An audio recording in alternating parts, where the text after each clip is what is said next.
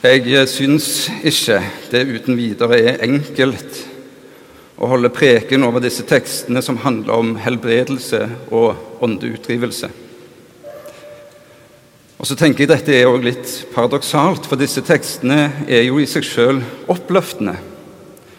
De handler om folk som har vært plaga, pint av sykdom, og som nå endelig blir kvitt den smerten de har måttet bære på. Personer som har blitt holdt utenfor fellesskapet pga. funksjonshemning eller frykt for smitte, eller ansett som ureine, de blir nå inkludert, ansett som fullverdige medlemmer av samfunnet. Det er fortellinger om likeverd som skapes hos mennesker som tidligere har vært regnet som annenrangs eller enda verre. Så misforstå meg rett her. Jeg syns det virkelig er vakre og viktige fortellinger. Fortellinger som ikke bare beskriver en Gud som ser til de svake og utstøtte, men det fortelles om en Gud som aktivt går inn for å gjenopprette det som er ødelagt. Det sosiale like mye som det somatiske. Kropp og ånd. Og så er det samtidig her jeg syns det blir vanskelig å preke. Hvorfor? Jo, fordi jeg ser en verden som er full av urettferdighet, hvordan folk blir nekta til fellesskap. En verden der mennesker pines av sykdom, både fysiske og psykiske. Og jeg savner denne helbredende kraften Jesus viser i fortellingen om Peters svigermor og de mange andre som ble brakt til Jesus den kvelden. Hvor er Guds helbredende kraft i dag? Er han til stede for noen, men ikke for alle? Tør jeg be om helbredelse? Og hva om jeg ber, men ikke blir helbreda? Vil det si at Gud ikke har hørt meg? Eller enda verre, er det sånn at Gud faktisk hører, men lar meg bli alene i elendigheten? Dette er det jeg syns er vanskelig. Jeg er frista til å hoppe bukk over spørsmålene. Det enkleste blir å bare lese disse fortellingene som metaforiske. Peters svigermor hun lå til sengs med feber. På samme måte kan vi oppleve at uro tar makt over kroppen vår, holder oss nede. Jesus rører ved henne.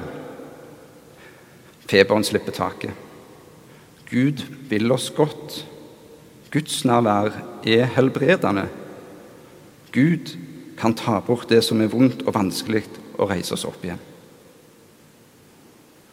Peters svigermor hun står opp og begynner å stelle for Jesus.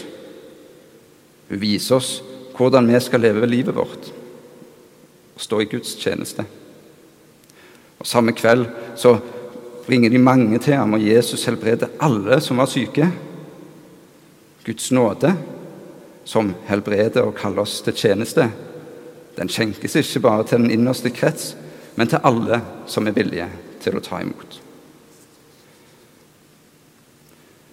Jeg syns dette er gode metaforer som snakker sant om Gud i verden, men er det likevel hele sannheten?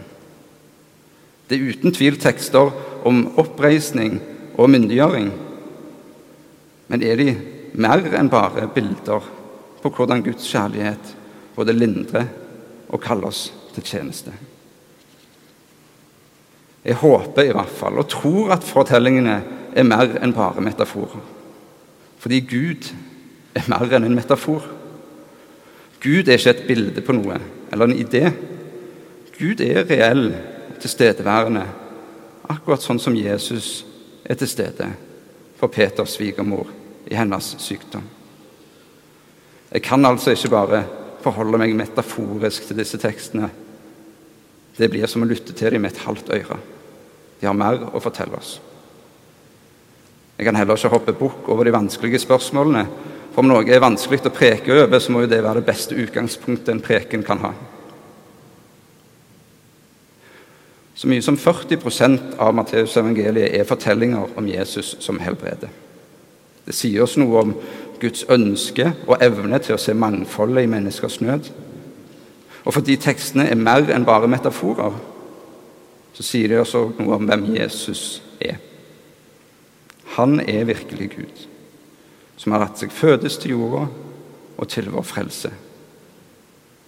Gud søker samfunn med menneskeheten og er nå så nær at det guddommelige fysisk berører det skapte. Og dette konkrete nærværet er helbredende.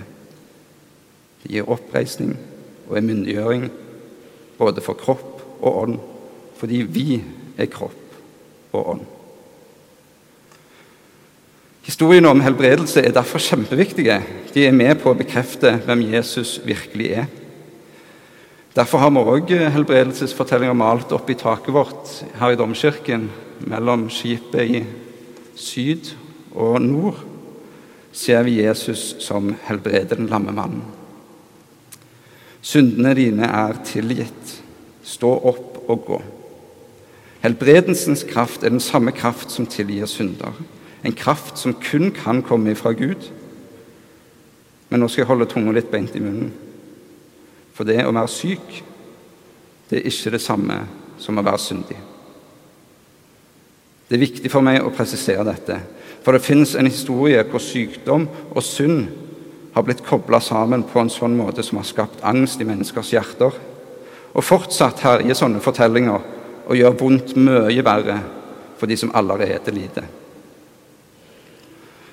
Når jeg har skoleklasser på besøk her i Domkirken, så er det alltid ett tilbakevendende spørsmål fra elevene. Hvis Gud er allmektig, hvorfor er det så mye vondt som skjer i verden? Godt spørsmål, sier jeg alltid. Og i kategorien av gode spørsmål er kanskje dette det beste, for vi har ennå ikke klart å svare på det. Vi kaller det derfor det ondes problem. Men fordi vi ikke har noe godt svar å gi, så betyr det ikke at vi skal la være å stille spørsmålet. Tvert imot, fordi vi ikke har noe godt svar, så må dette spørsmålet stilles gang på gang. Det er nok det ondes problem som gjør at jeg syns det er vanskelig å holde preken over tekster som handler om helbredelse. Hvor er Guds helbredende kraft i dag? Jeg syns det er vanskelig å forholde meg til at Gud en gang historien skal ha gjort syke friske hva med de som er syke i dag? Ett svar til det ondes problem, det er Jesus selv. For Jesus har ikke bare gitt, vist oss Guds ansikt gjennom helbredelse. Han har like mye vist oss Guds ansikt gjennom sin lidelse. For det er ikke sånn at Guds tilstedeværelse kun bekreftes gjennom alt som er godt. Gud er like mye til stede i det som er vondt. Og Hvis du noen gang lurer på hvor Gud er, ja, så skal du være sikker på at du finner han i det som er vondt. Ikke årsaken, men til stede i sorgen. Til stede i smerten. Til stede i angsten. Til stede i sykdommen. Og Nok en gang vil jeg holde tunga litt beint i munnen her, for poenget med Jesu lidelse er ikke at vi skal gjenkjenne Gud. Poenget med Jesu lidelse er at Gud skal gjenkjenne smerten i det å være menneske. Med alt det verden har å kaste på oss. Jesu lidelseshistorie er ikke løsningen på det ondes problem, men et svar til den. Den krever at Gud òg må forholde seg til alt som er vondt i verden. Symbolet for den lidende Gud er tornekronen. Også dette har vi malt i taket her i nord. I midten ser vi Gud i Jesus Kristus som blir piska og håna, torturert av de romerske soldatene. Og tornekronen er symbolet på den lidende Gud.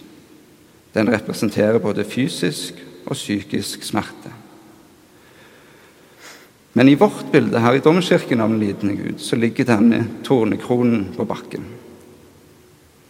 I stedet har Jesus fått en nazisthjelm, stridshjelm, tredd over hodet. Og Dette gir mening fordi takmaleriet vårt ble ferdigstilt etter andre verdenskrig. Og nå går stridshjelmen inn som et parallellsymbol for tornekronen og forteller oss at Gud ikke bare kjente på verdens lidelse en gang historien, men at Gud erfarer smerte, hver gang et menneske lider. Det betyr at vi har en Gud som ikke bare identifiserer seg med vår nød og angst, men en Gud som òg er til stede og erfarer hva et menneskeliv må gå igjennom, kroppslig like mye som åndelig, det sosiale like mye som det sosmatiske. Så om det ikke er helbredelse i dette, er det i det minste lindring i å vite at vi har en Gud som er tvungen til å gå med oss. Det løser ikke det ondes problem. Det gjør det ikke lettere å holde prekener om helbredelse. Det gjør heller ikke syke friske igjen. Men jeg kan finne hvile og fred i at Gud ikke er metaforisk, men konkret til stede i vår tilværelse, i vår lidelse. Noe som gir oppreisning, noe som er myndiggjørende for ethvert menneskeliv som leves i sorg og glede. Ære være Faderen og Sønnen og Den hellige ånd, som var, er og blir en sann Gud ifra evighet og til evighet. Amen.